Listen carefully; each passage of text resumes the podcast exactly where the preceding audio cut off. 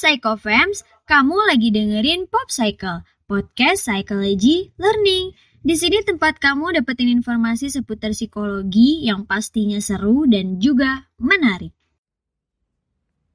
Hai, kenalin gue Sasa Adisti. Selama beberapa menit ke depan, gue yang bakal nemenin kalian pada Pop Cycle hari ini.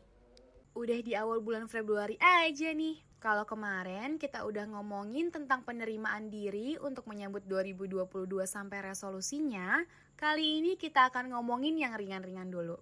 Kita bakal bahas salah satu film Indonesia yang tembus sampai internasional. Film ini cocok banget ditonton untuk mengisi booster kita di awal bulan Februari ini, yaitu film Penyalin Cahaya. Film hits yang disutradarai oleh Regas Banu Teja patut diacungi jempol. Film ini sukses menjadi sorotan karena berhasil memborong penghargaan Festival Film Indonesia FFI 2021 dan juga mengharumkan nama perfilman Indonesia di Busan International Film Festival 2021.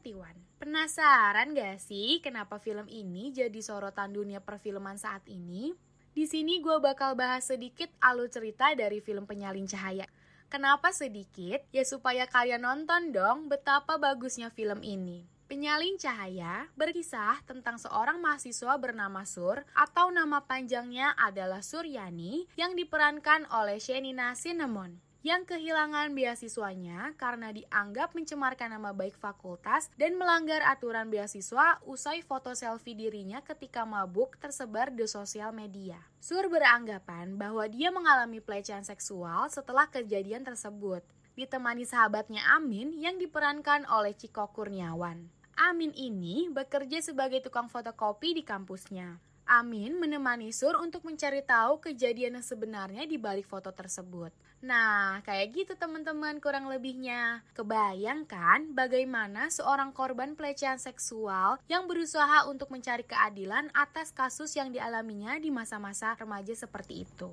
Supaya kalian tambah yakin dan tahu alasannya kenapa kalian wajib nonton film ini, gue akan kasih beberapa fakta menarik tentang film Penyalin Cahaya. Pertama, yang membuat film ini menjadi sangat menarik adalah film ini memberikan seni penuh arti mengenai membuka suara bagi para penyintas pelecehan seksual. Maksudnya adalah, Rega, sang sutradara ingin menyampaikan kepada korban pelecehan bahwa semua gender hingga kalangan yang sering kali tak punya suara dalam mengungkapkan berbagai kasus film ini menjadi cerminan untuk berani membuka suara dan tetap berhati-hati di era digital saat ini. Fakta-fakta menarik adalah, selain akting dari keenam aktor muda yang bermain di film ini tampak nyata, film ini juga menceritakan kejadian dari sudut pandang korban pelecehan seksual di dunia pendidikan.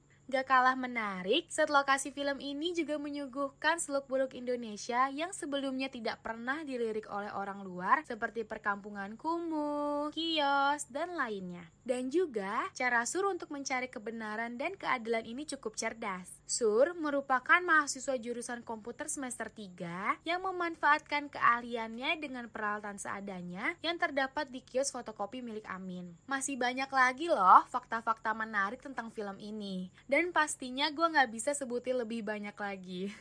So, langsung aja kalian tonton film ini sekarang juga ya.